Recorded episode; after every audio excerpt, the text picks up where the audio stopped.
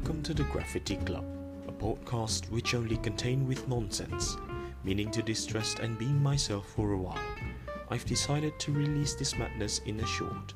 No need to expect heavy discussions as I may assume you have entering the wrong channel.